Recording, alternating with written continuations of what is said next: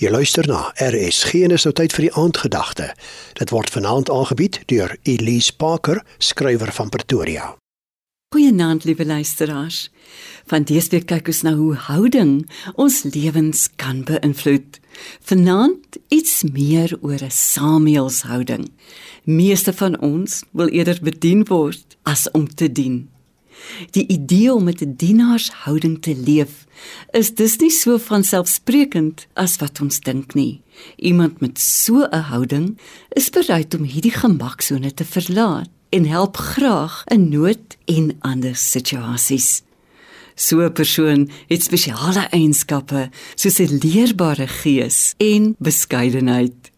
Iemand met 'n dienaarshart is beskikbaar, gehoorsaam en ingestel op God se stem, so Samuel wat met sy tempeldiens reeds van jongs af na God se stem geluister het. Ook later in sy rolle as regter, siener en profeet het hy homself vir God beskikbaar gestel. Hy was regverdig in sy diens in hierdie posisies en het op God staat gemaak vir leiding, net soos hy hom kleintyd in die tempel beloof het toe God na hom geroep het. Hiervan lees ons in 1 Samuel 3 vers 10. Praat Here, u dienaar luister. Jesus is die beste voorbeeld van 'n toegewyde dienaar. Alhoewel mens dit skaars van God se seun verwag dat hy ons moet bedien. Selfs sy disippels was baas hieroor. In Johannes 13 vers 6 vra Johannes juis: "Here, gaan U my voete was?" Wanneer dit by diens aan ander kom, kan ons nie geriefshalwe wegdraai nie.